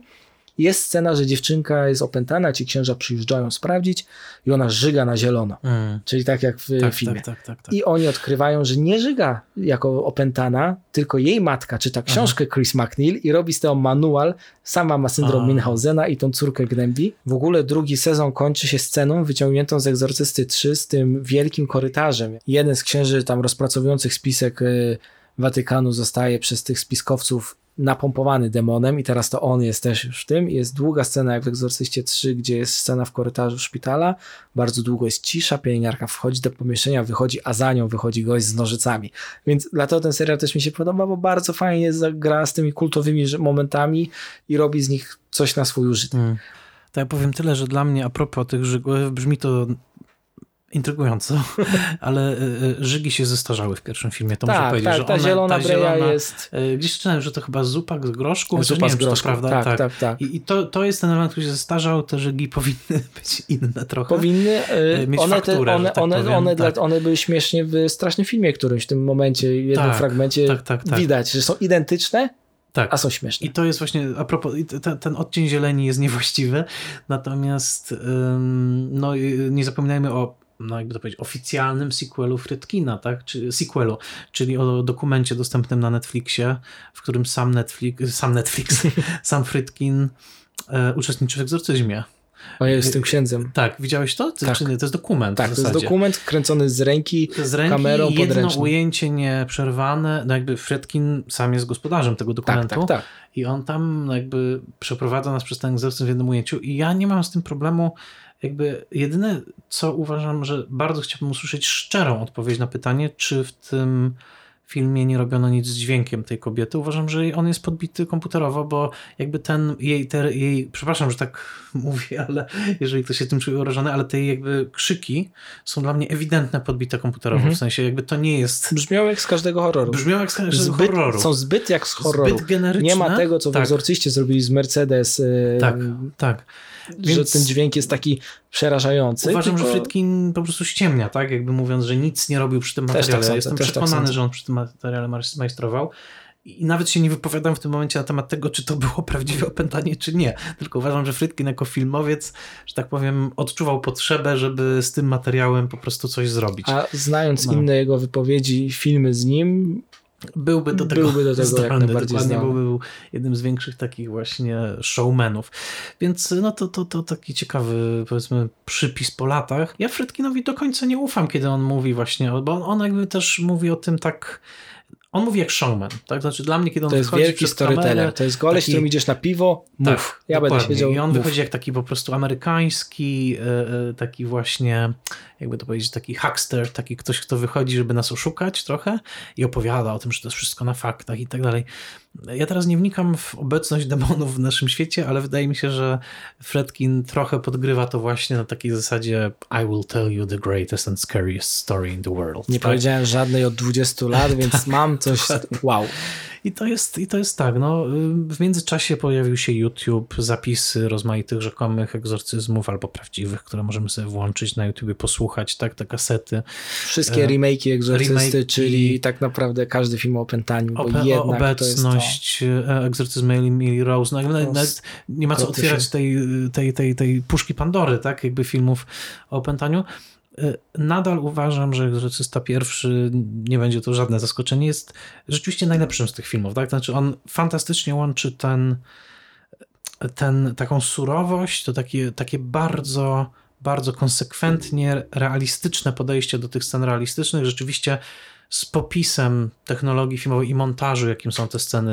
To, jest, to, jest, to jest wciąż świetnie zrobione. Ten moment, kiedy ona rzeczywiście atakuje ich fizycznie, rzuca ich na ziemię, to wszystko jest naprawdę znakomicie zrobione, to trzeba powiedzieć. To jest jedyny nadal film, który oglądasz tak jak Friedkin chciał, czyli mm -hmm. na mhm. wiarę. Tak, tak. To jest leap of faith.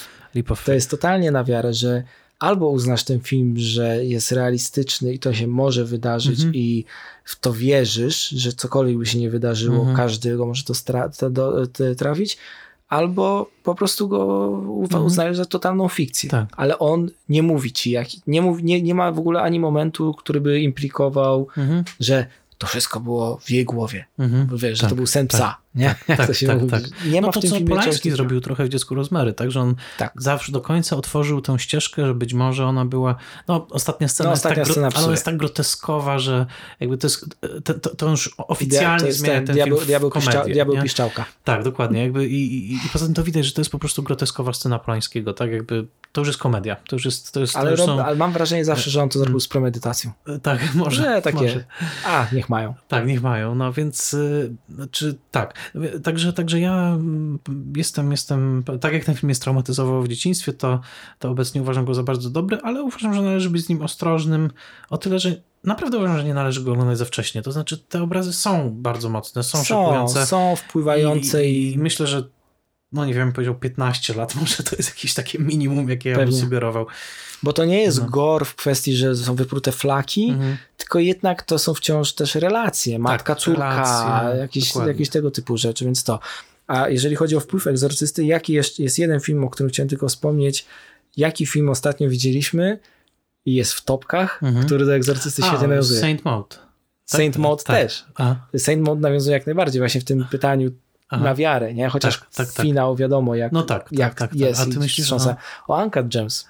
Uncut Gems? Poczekaj, dlaczego? Zaczyna się, ident... Nie, zaczyna się w e, ogóle identycznie. Jak wczoraj oglądałem słusznie, słusznie, i spojrzałem. Słusznie. Sam o tym mówiłem w podcaście, zapomniałem. O, no, a no tak, no tak, wiesz, rozmawialiśmy, tak, rozmawialiśmy o tym kiedyś, tak, i czcionka, i ta Afryka. Tak, jak on otwiera ten, e, słusznie, wyciąga Ten, tę figurkę, mhm. to jest tak jak, jak Howie, który wyciąga ten opal. No i cała faktura No i Howard jak Howie, opętanie, bo Howie jest ewidentnie opętany w tym słusznie, opalem w Uncle James i kto dostaje ten opal, nagle ma szczęście. Tak. Totalnie tak, ma szczęście, jest, jest w ten sposób.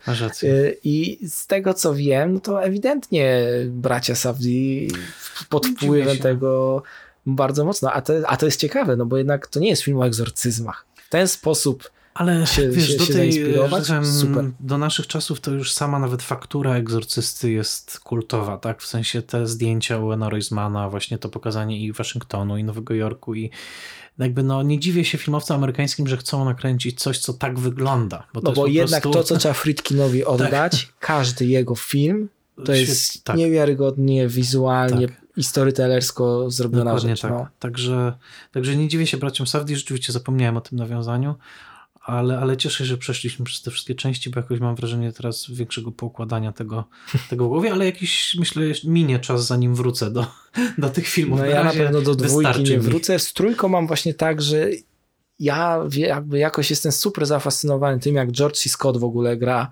Y, ta twojego mhm. kamienna taka twarz i że on upada przez ten cały film. On tak. faktycznie jest coraz słabszy i fizycznie i psychicznie przez to, co się tam zaczyna dziać. Ta końcówka zrobiła na mnie ogromne wrażenie. Właśnie ten pytający diabeł czy, ten, mhm. czy demon. Ja właśnie, to jest tak, że w książce on też mówi wprost, że jak Karas spadł, to Pazuzu zrobił prank. A. Pazuzu zrobił prank i wpuścił Gemini Killera do ciała Karrasa. Karras pojechał do y, Kostnicy mm-hmm. i w, w, czasie pogrzebu był z jednym księżulkiem, który zaginął. Potem się okazało, że ksiądz spadł na zawał, widząc wstającego z trumny A, no tak. Karrasa. Pochowali tego księdza i w pierwszej wersji filmowej też y, jest scena ekshumacji zwłoki, w książce też to jest, że otwierają but it wasn't Kara's body. Aha, tak, I to tak, jest, tak. To podoba mi się to takie zagranie i wydaje mi się, że Rian Johnson mógłby zrobić świetny remake. To dobra, uważam, dobra. że może zrobić to Ryan Johnson na zasadzie i tego, jak jest kinomanem, i tego, że ten Hodunit mu dobrze wyszedł i faktycznie pomyślałem, kurczę, z takim George'em C. Scottem by to wszystko poszło. W przypadku Ryana Johnsona to kupuje, chętnie bym zobaczył też kobiecą. Ryan czy... Murphy by zrobił musical. Zresztą. Dokładnie, Ryan Murphy by zrobił musical o Pazuzu z songami dla Pazuzu. I, e... tak, i Linda Blair by wykorzystała umiejętność stepowania z drugiej części, której się specjalnie tak. uczyła. I on by, o Boże, mam, mam nadzieję, że to nie zobaczę, natomiast e, zdecydowanie zdecydowanie dla mnie e, e, reżyserką, która by to ciekawie mogła zrobić, bo uważam, że też ciekawa by była wersja, wersja przez reżyserkę zrobiona, to na przykład Jennifer Kent, autorka Babaduka, albo Agnieszka Smoczyńska, dlaczego nie? To Jasne. też by było ciekawe. No i też Rose Glass myślę, I Rose Glass, Mode. Oj, oj, oj. Mode jest, ba... właśnie tak. Mode, to wspominałeś, że nawiązania, myślę, że na pewno bardzo mocno w duchu tym storytellerskim tego, bo to jest taka mozaika, no jednak tak. Egzorcysta też, y, z tego co pamiętam, na początku też publikę Y, dezorientował. Tak. On nie ma takiego tak, tak zwykłego tak, opowiadania. Tam się tak. dzieją te sceny. No, Czasem to opętanie nagle się pojawia. Zresztą tak jak dodana w reżyserskiej scena z pajęczym chodem, która jest fatalna. Jest ale jest też wersja, która jest jak z książki. Mhm. Mm, na YouTubie ją widziałem, która mhm. powinna wejść, gdzie Regan idzie jak jaszczurka, mm. język, w ogóle tak wystawia język jak taka jaszczurka, schodzi po schodach i łapie Shirley za nogę. A, I w tak. książce to jest moment, kiedy jeszcze ten Pazuzu się tak nie ujawnia, mm -hmm. ale jest takim złośnikiem. Mm -hmm. I to jest mhm. fajne, że ona mhm. wychodzi i tak złośliwie je straszy. Mhm. A w wersji tej reżyserskiej teraz, no dopiero co się o śmierci Burkeo dowiedziała e, Chris McNeil i nagle zjeżdża i zaczyna krzyczeć i pamiętam, że są dwie wersje, z zielonym, a obecnie w czerwonym, czerwoną krwią. Ale to źle wygląda. I jest totalnie z, no tak. bez, bez pomysłów stawione tak. dla wstawienia. Tak. Wiem, że szkoda było tej sceny, ale tak. na YouTubie jest scena, ja ją zalinkuję u siebie w komentarzach, gdzie ona jeszcze po ścianie przez chwilę idzie. Tam no. fantastyczny ruch jest tego i ta no, Ciekawe. Regan tym językiem tak robi. To jest trochę zabawne, ale jeszcze jest przed postprodukcją, więc mhm. no dajmy, tak. dajmy sobie okay. z tym yy, do życia. Hm. Można by o tym gadać strasznie długo. Słuchaj, bardzo się cieszę, że przegadaliśmy te wersje. Czuję, że mi się poukładało, także w ogóle dzięki za zaproszenie. Nie ma sprawy, ja się cieszę, nadzieję, że, że kiedyś przejdziemy cross. przez jeszcze jedną sagę, jakąś możemy coś wymyślić. Może co? nawet przez te parodie lat 90. Może Al, albo przez filmy o frajerach i boczeńcach. Może, słuchaj, zawsze. Po tej ostatniej chryi ja sobie już obejrzałem tak. kilka, y, Zemstę frajerów sobie odświeżyłem y, i jest ciężko, mhm. ale to daje fantastyczną drogę do interpretacji współczesnego spojrzenia na, Słuchaj, na, na wiele rzeczy. Spoiler Master i celuloidy światło jeszcze się spotkają. Tak. Zachęcam do powtórzenia wszystkich y, filmów, jeżeli ktoś jeszcze nie widział, bo, bo to jest jednak przygoda. To ja prawda, przez te ostatnie prawda. tygodnie to odświeżałem, czytałem, wpadłem w lekką obsesję, jaką ma Mark Kermode tak. właściwie, który widział setki razy. Który jest już prawie kustoszem Tak, opracował tak. zresztą ten mhm. scenariusz mhm. Legionu i Egzorcysty 3 jako książkę, która tak. chodzi za tysiąc dolców na Amazonie. Nie. Nie kupię. Niesamowita rzecz. Chciałbym to dotknąć. tak. E, I który był przyjacielem Blatiego, jak się tak, okazuje. Tak, tak, tak Więc tak, tak. fajnie też, ja też wstawię w komentarzach oczywiście komentarze Kermode do Egzorcysty. On bardzo ładny, e, emocjonalny sposób się też z Blatym żegnał, kiedy ten, ten zmarł, więc -hmm. Dziękuję Ci bardzo. Dzięki, dzięki Jarek. Trzymaj I... się. Dzięki Ci wielkie i do usłyszenia. Trzymajcie się. Trzymaj się.